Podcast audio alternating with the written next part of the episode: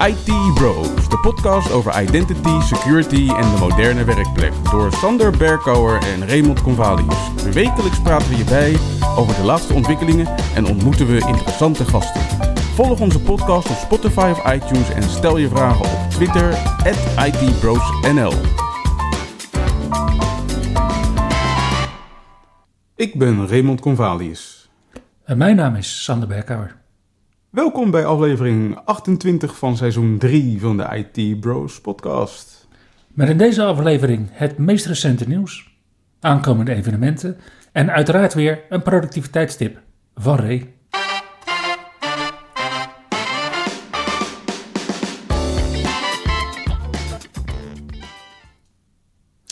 Hey vreemdeling, Ja, ik ben weer terug. Het is echt een lange tijd geleden dat wij een podcast hebben opgenomen. En dus ook hebben uitgebracht naar onze trouwe luisteraars. Yes, en intussen is er een hoop veranderd in de wereld. En bedacht Ja. ik dat het misschien wel tijd is om een nieuwe jingle op te nemen. Hmm. Namelijk, we hebben nu een, nieuw- een nieuw platform, dat heet X, formerly known as Twitter. Ja, ik weet niet wat Kevin Mitnick daarvan had gevonden. Ja, die is er ook niet meer. Ja. Maar goed, ondertussen zijn er een aantal dingen wel gebleven. En zo is er nog steeds het Windows 11 Insider Channel. Ja. En die heeft ons de afgelopen weken getrakteerd op een heleboel nieuwe builds. Die ik niet allemaal ga doornemen. Maar in ieder geval eh, de beta builds die zijn gebleven bij build nummer 22.621.129 en 22.631.129. En als je daarmee aan het spelen bent, dan heb je inmiddels Windows Copilot voorbij zien komen als nieuwe feature. En de gemoderniseerde File Explorer. De gemoderniseerde Windows Verkenner. Inderdaad. Nou, die gemoderniseerde verkenner en die Copilot, die vind je ook terug in de laatste Dev Channel en Canary Channel builds. Alleen daar komen er ook nog wat andere nieuwe dingen voorbij. Zo zijn er in het Dev Channel zijn er drie nieuwe builds voorbij gekomen. Als eh, build nummer 23506, 23511 en 23516. Waarvan de laatste op 2 augustus is uitgekomen. En daar zien we een aantal ja, best wel leuke dingen voorbij komen. Zo zie je bijvoorbeeld dat er een policy voor passwordless is geïntroduceerd voor Windows Hello for Business, waarbij Windows je zo min mogelijk nog op wachtwoorden gaat trakteren en probeert overal waar dat kan, dus passwordless authenticatie mogelijk te maken. Oké. Dat kan je met een policy instellen. Nou, verder is eh, de phishing protection wat verbeterd, waardoor die nu niet alleen maar het intikken van een wachtwoord op een potentieel gevaarlijke site probeert ja, tegen te houden, maar ook copy-paste van een wachtwoord op een potentieel gevaarlijke site. Verder is eh, de nieuwe Outlook wordt een ingebouwde applicatie in Windows. Mhm. Ja, de Windows Dus, Mail eh, gaat weg. Ja, dus mail en calendar eh, allebei exit. Windows Spotlight eh, is onder handen genomen. Dus eh, ja, je kan nu een fullscreen preview krijgen van de afbeeldingen. En er zijn meerdere opties om meer informatie te krijgen over de foto's die je te zien krijgt van Spotlight. Als je dus mooie achtergrondjes wil hebben in je Windows-omgeving.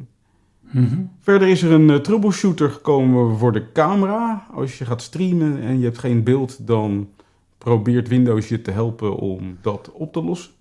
Als je bijvoorbeeld een klepje voor je camera hebt gedaan. En er zitten wat verbeteringen in het eh, screencasting. eh. als je Windows K doet voor casting, dan probeert Microsoft het nu allemaal nog wat makkelijker te maken voor eindgebruikers om snel hun beeld naar een ander scherm te kunnen sturen. Verder eh, zie je dat de voice access is uitgebreid. Daarvan doet Microsoft de aanbeveling van als je nooit iets hebt gedaan met voice access, ga het nu vooral proberen. Want Windows is nog toegankelijker geworden voor iedereen.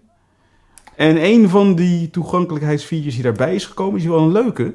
Dat is dat je onscreen keyboard dus nu ook met de voice access bediend kan worden. En dat je daarvoor dus niet de letters van het keyboard hoeft te roepen. Maar dat alle toetsen van het toetsenbord een cijfertje hebben gekregen. En dat je met die cijfertjes op het toetsenbord je toetsaanslagen kan eh, doorgeven. En dat is met name handig voor als je bijvoorbeeld een wachtwoord moet intikken met voice access. Dan hoef je dus niet je wachtwoord uit te spreken of je wachtwoord te spellen, maar dan kan je het onscreen toetsenbord daarvoor gebruiken met je stem. Mits je niet al de policy hebt geactiveerd dat je zoveel mogelijk prijsverlust wil doen natuurlijk. Precies. Verder is de narrator eh, uitgebreid met een aantal nieuwe natuurlijke stemmen in het Frans, Portugees, Engels, India en Duits en Koreaans. Oké. En de laatste die ik zelf ook nog wel interessant vond, dat is dat ze adaptive dimming hebben toegepast voor systemen met een presence sensor. Dus als jij een laptop hebt met een presence sensor, die dus Mhm. doorheeft wanneer je wel of niet aandacht schenkt aan je laptop, zodra je geen aandacht schenkt aan je laptop, dan dimt het scherm zodat die batterijen gaat besparen. Ja. Leuke nieuwe feature. En voor de rest vind je natuurlijk alle features uit de beta build ook terug in het developer channel. Nou, datzelfde geldt natuurlijk ook voor het Canary channel. Daar zitten ook al die features in van het beta channel. En die heeft maar één nieuwe beeld gekregen in de afgelopen weken. Namelijk beeld nummer 25915 van 27 juli. Mhm. En ja, de enige echte nieuwe feature die daarin zit, die ik nog niet bij de rest heb gezien, is dat er eh, gesleuteld wordt aan de refresh rates van Windows. Dat Windows straks bij meerdere monitoren, iedere monitor met een eigen refresh rate kan aansturen. En er is goed nieuws voor eigenaren die in het Canary-kanaal zitten met Asus-apparaten. Oh ja, Deze versie ondersteunt weer Asus-apparaten. De problemen zijn opgelost, gelukkig. En als jij in het Canary-kanaal problemen had met je Network Interface Card, dan zijn die ook opgelost met deze beeld. Nou, deze week is Microsoft dus ook bezig om met de insiders te testen of er nog bugs in Windows zitten, met de zogenaamde bug bash. En tijdens die bug bash hebben ze een eh, foutje gemaakt. Ik kreeg vanochtend een, een tip van Jan Bakker, onze vaste trouwe luisteraar. Die wist te melden dat er een tool is gelekt, namelijk de staging tool, tijdens deze bug bash. En dat is de tegenhanger van de tool die wij altijd roepen als je features wil enablen in nieuwe beta builds en developer builds en canary builds, namelijk de Vive Mhm. tool. Ja. Blijkt Microsoft daar een eigen tool voor te hebben. Dat is dus de staging tool. En die lag vandaag op straat. Ze hebben hem geprobeerd zo gauw mogelijk weer van straat te halen. Maar je weet hoe dat gaat op het internet. ja, Hij ligt op straat. En hij is nu voor iedereen terug te vinden. En je kan dus nu met de staging tool kan je features enablen. Wanneer Microsoft denkt van nou, we enablen deze feature nog niet voor iedereen. Maar jij wil hem wel alvast zien. Dan kan je die dus enablen als je beschikt over de zogenaamde feature ID. En die feature ID's die worden weer door een hele ijverige gebruiker verzameld op GitHub. Dus al met al kan je nu helemaal losgaan met de laatste features die in de Canary Channel en Developer Channels rondgaan. gaaf. Mocht jij geen hardware willen spenderen, maar toch Windows willen gebruiken, dan is Windows 365 natuurlijk altijd een optie. En de afgelopen tijd zagen we in Windows 365 een aantal nieuwe features. Zo is Move Cloud PC nu generally available. Dus iedereen kan het gebruiken. En wat we nu ook kunnen doen is PC reprovisioning met Intune voor eindgebruikers. Ja, dat kan je dus gewoon doen vanuit je remote app voor Windows 365. Daarmee hadden we nog niet eens alles gehad, want van de week kwam er ook een andere nieuwe feature beschikbaar voor Windows 365. Dat is namelijk watermarking support. Ja, En daarmee verschijnen er dus QR-codes in beeld, zodat als je een screenshot maakt, die je niet zou horen te maken, dat Mhm. je achteraf kan achterhalen uit welke sessie de screenshot afkomstig is, om de oorzaak van het lek te kunnen aanwijzen. Nou, in die screenshot zie je dan dus een QR-code en die QR-code verwijst naar de Activity ID GUID, die vervolgens weer te worden teruggehaald uit de logs van het bedrijf waar de informatie is gelekt.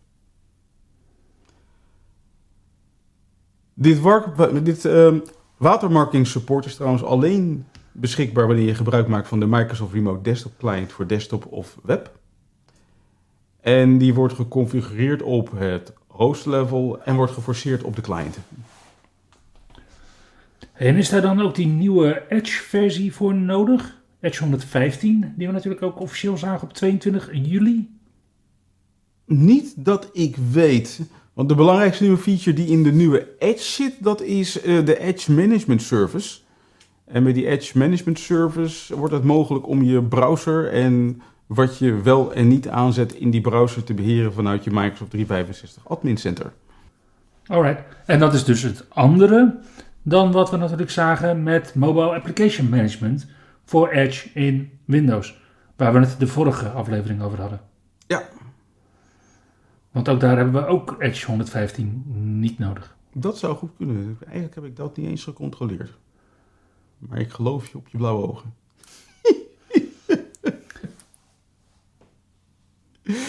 Ondertussen, ja, natuurlijk hebben we het nog steeds over ChatGPT en Bing Chat. En inmiddels is Microsoft bezig met de preview van Bing Chat Enterprise. En daarmee wordt het dus mogelijk om Bing Chat te gebruiken zonder dat je gegevens lekken naar het internet. En dat ze weer worden hergebruikt voor de artificial intelligence. En Bing Chat Enterprise wordt straks een standaard onderdeel van Microsoft 365 E3 en E5. En daarmee kan je het nu ook al aanzetten als je daarover beschikt. En anders ga je 5 euro per maand betalen voor Bing Chat Enterprise. Als je beschikt over de Search Admin of de Global Admin rol binnen je tenant, dan kan je het dus nu aanzetten. En als je dat nog niet genoeg vindt, dan is Microsoft inmiddels ook al gestart met de Microsoft 365 Copilot Preview. Mhm. Maar dat is nog een pri- private preview, die voor 600 klanten nu ongeveer beschikbaar is gesteld. En die gaat wel een heel ander prijskaartje krijgen. Namelijk, Ja, daar, eh, daar gaan ze serieus, eh, daar zetten ze serieus op in. Ja. ja, 30 euro per gebruiker per maand. Mhm. En ik kan me zo voorstellen dat heel veel organisaties dat er nog wel uit kunnen halen ook. Dat denk ik ook wel, ja. ja. Misschien niet voor alle mensen in de organisatie, maar wel zeker voor een aantal. Mhm, Zeker weten. En het geldt eigenlijk ook voor de features die we nieuw zien in Entra ID de afgelopen maand, zo'n beetje. En als je je afvraagt waar heeft hij het over met Entra ID, dat is de nieuwe naam van Azure Active Directory. Wat natuurlijk nog Azure, nog Active Directory was. En in Entra ID zien we de afgelopen maand in Conditional Access een aantal verbeteringen. Daar kun je nu beleidsregels specificeren voor de My Apps ervaring. En dat is natuurlijk benodigd op het moment dat je dingen wilt gaan aanvragen. Maar als je dat doet met een policy die bijvoorbeeld buiten niets toestaat, dan kan je niet productief worden op je eerste dag. De conditional access templates zijn nu generally available. En dat betekent dat je die met een gerust hart kunt gaan aanvinken op het moment dat ze overeenkomen met je beleidsregels. De company branding mogelijkheden zijn flink uitgebreid. We hebben nu layout templates. Dus als jij het aanmeldstuk op een andere manier, bijvoorbeeld op de ADFS 2012 R2 manier, zou willen aanbieden, kan je dat nu met een template heel makkelijk doen. Oké. Maar ja, dan wil je natuurlijk ook wat andere dingen aanpassen. Zoals de self-service password reset hyperlinks, de footer hyperlinks en de browser icons. En dat kun je nu ook allemaal. Oké. Nice. In de mobiele Azure app kun je nu het wachtwoord voor een account wijzigen, maar niet het account voor jezelf. Je kunt in Entra ID nu ook Dynamic Group lidmaatschappen definiëren op basis van het Employee Hire Date attribuut. Zo kun je bijvoorbeeld toegang geven tot mensen die voor een bepaalde datum al in dienst waren. Mhm. En die kun je bijvoorbeeld gebruiken om eh, een self-sign-up flow voor een OR-lidmaatschap, waarvoor je minimaal een jaar in dienst moet zijn, te definiëren qua toegang. Dan zijn de create user en invite user flows verbeterd, dus je kunt daar nu eh, makkelijker doorheen. De All Users heeft nu geen Show More knopje meer. Jee, die scrolt gewoon lekker door. En je kunt nu nog meer attributen in het profiel van een user object aanpassen. En dat betekent dat je minder vaak naar PowerShell hoeft te grijpen of naar de graph. En dan kunnen we ook sinds deze week de default MFA-methode in het portal en in de graph aanpassen.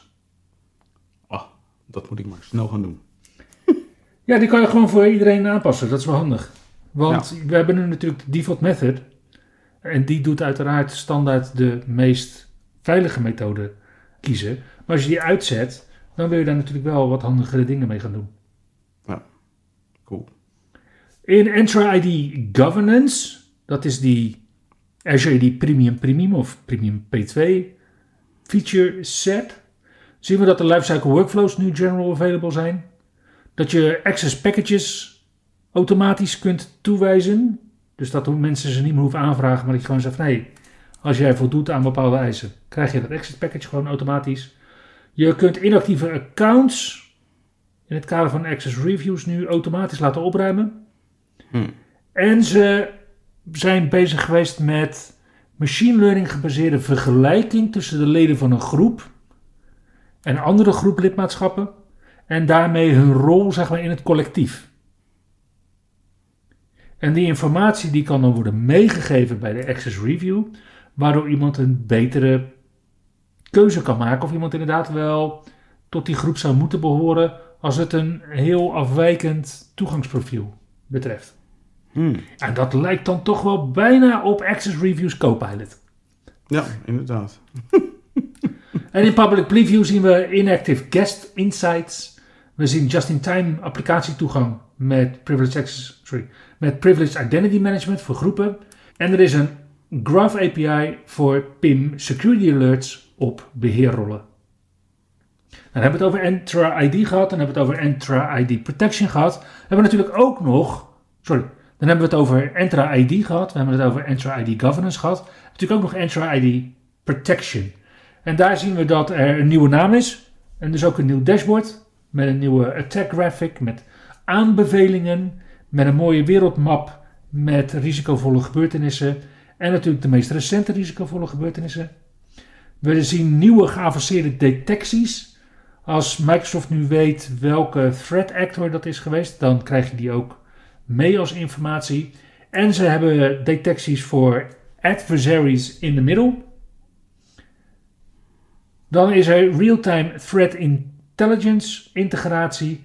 En het hele Entra ID Protection is nu ook geïntegreerd in Microsoft 365 Defender.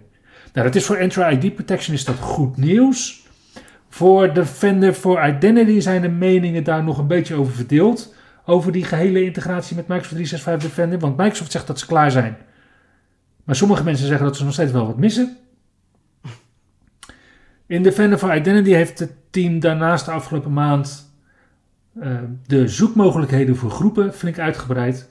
Nieuwe Security Posture rapporten toegevoegd. Bijvoorbeeld een rapport met iedereen die uh, niet het wachtwoord hoeft te wijzigen.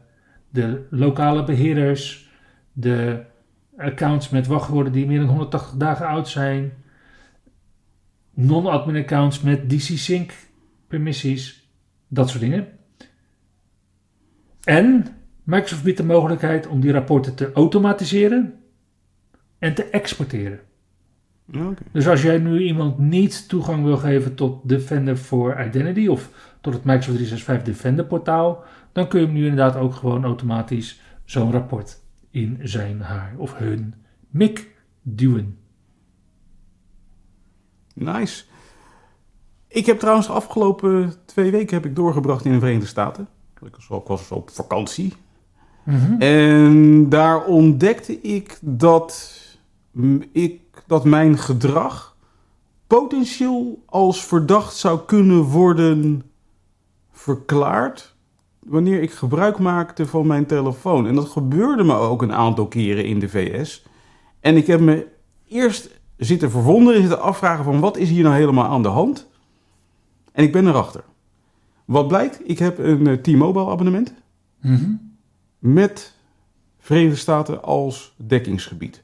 Ja, Dus ik kan gewoon, zonder dat ik moeilijke dingen hoef te doen, kan ik roamen naar de VS, koppelen aan het T-Mobile netwerk in de VS en ik kan internetten op mijn telefoon. Alleen wat gebeurt er dan? Dan krijg ik op mijn telefoon een Nederlands IP-adres. oké. Met als gevolg dat wanneer ik van een Amerikaanse dienst gebruik wil maken, noem maar wat, Park Mobile, Mhm. Amazon Payments, dat ik gewoon keihard geweigerd word. Ik krijg gewoon access denied meldingen op allerlei plekken in de VS. Tenzij je koppel aan een wifi-netwerk van een lokale leverancier. En dan werkt opeens alles weer. Wauw. Maar dan heb ik dus wel heel snel dat bijvoorbeeld een Entra Identity Protection zal zeggen van... hé, hey, hier is sprake van impossible travel... wanneer ik weer even omschakel tussen 4G en een plaatselijk wifi-netwerk. Ja, dus jij zou ook meer MFA-prompts hebben gekregen. Het is niet gebeurd vanaf mijn telefoon, maar het had wel gekund. Het was denk Ja. ik wel heel waarschijnlijk geweest. En anders eh, snapt de machine learning het al. Blijkbaar. Heb jij voldoende keer al je user risk dismissed, zodat de machine learning weet van, oh, ik hoef hier niet langer op te alerten. Dat zou zomaar kunnen, maar het was wel heel hinderlijk dat ik op allerlei plekken dus geweigerd werd op Amerikaanse websites, omdat die dachten van nou, wat doet die Nederlander op mijn webpagina? Ja, Ondertussen heeft Google ook niet stilgezeten. Die zijn bezig geweest met eh, Google Nearby Share. En Google Nearby Share voor Windows is inmiddels GA sinds 19 juli. En in de laatste versie van de Nearby Share applicatie kan de applicatie nu inschatten hoe lang een file transfer gaat duren. Kan je een image preview krijgen. En inmiddels is Google ook al aan het partneren met allerlei OEM's om Google Nearby Share op diverse Windows systemen mee te leveren. alright. En dan zou het dus zomaar kunnen zijn dat Google Nearby Share de plek in gaat nemen van Candy Crush in Windows. Wie weet. nou, en over plekken innemen. Ja, we hebben het de vorige aflevering erover gehad dat Intel gaat stoppen met de productie van de NUC. Ja, Oftewel de Next Unit of Computing. En inmiddels blijkt dat Intel een overeenstemming heeft gesloten met Asus. En dat Asus nu de productie van de NUC computertjes voor haar rekening gaat nemen. de next next unit of computing. Inderdaad. Nou, in eerste instantie gaat het natuurlijk gewoon om de bestaande NUC-modellen... die gewoon verder geleverd zullen worden door Asus. Mhm. En Asus gaat een compleet nieuwe business unit oprichten... namelijk de Asus NUC BU. De Asus NUC Business Unit. En die gaat dus nu de ontwikkeling van de nieuwe NUC-machientjes voor zijn rekening nemen. Ja, ondertussen was er ook nog wel wat reuring de afgelopen weken. Met name als je gebruik maakte van de Citrix Netscaler. Mhm. Blijkt dat er een kwetsbaarheid is opgedoken onder CVE nummer 2023-3519. En die maakte een ongeautoriseerde remote code execution mogelijk op de netscalers. En deze kwetsbaarheid werd reeds misbruikt op diverse plekken. En ehm, de CVSS-score van deze kwetsbaarheid eh, is vastgesteld op 9,8 op een schaal van 10. En iedereen en alles is dus hard aan het aanbevelen om zo snel mogelijk te upgraden naar de laatste versie van Netscaler. En mocht je nog gebruik maken van Netscaler versie 12, dan moet je upgraden naar versie 13, want op versie 12 komt er geen patch voor deze kwetsbaarheid. En dat het altijd bonter kan, dat bewijst Ivanti. Met een kwetsbaarheid in de Ivanti Endpoint Manager Mobile oplossing, voorheen bekend als Mobile Iron. Deze kwetsbaarheid heeft rugnummer E 7E2023-35078 en heeft een CVSS-score van 10 uit 10. Deze kwetsbaarheid stelt aanvallers in staat om zonder aanmeldgegevens op afstand toegang te krijgen tot een kwetsbare Endpoint Manager mobile installatie. En uiteraard is het NCSC al aan het aanbevelen om zo spoedig mogelijk weer updates te installeren die deze kwetsbaarheid dichten.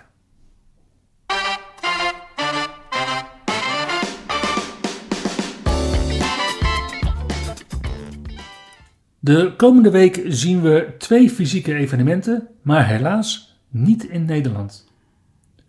Aanstaande zaterdag vindt de Scottish Summit plaats in Manchester in het Verenigd Koninkrijk, waar heel veel van onze community-vrienden presenteren, dan wel aanwezig zijn. En mocht je net als Raymond behoefte hebben om naar de VS te gaan, dan kunnen we aanraden om dat op 9 augustus en 10 augustus te doen. Maar je kunt ook daarvoor al, voor de lezingen, naar Black Hat USA in Mandalay Bay in Las Vegas in de Verenigde Staten. Nou, als ik weet hoe heet het was in Florida afgelopen week, dan wil ik al helemaal niet in Las Vegas zijn. Maar als je denkt dat je daar beter van wordt, moet je vooral Black Hat USA bezoeken volgende week. Het is, het is binnen, hè, vriend? Ja, dan moet je ook vooral niet naar buiten gaan. Ja, dus het is 16 graden. Gewoon net als hier.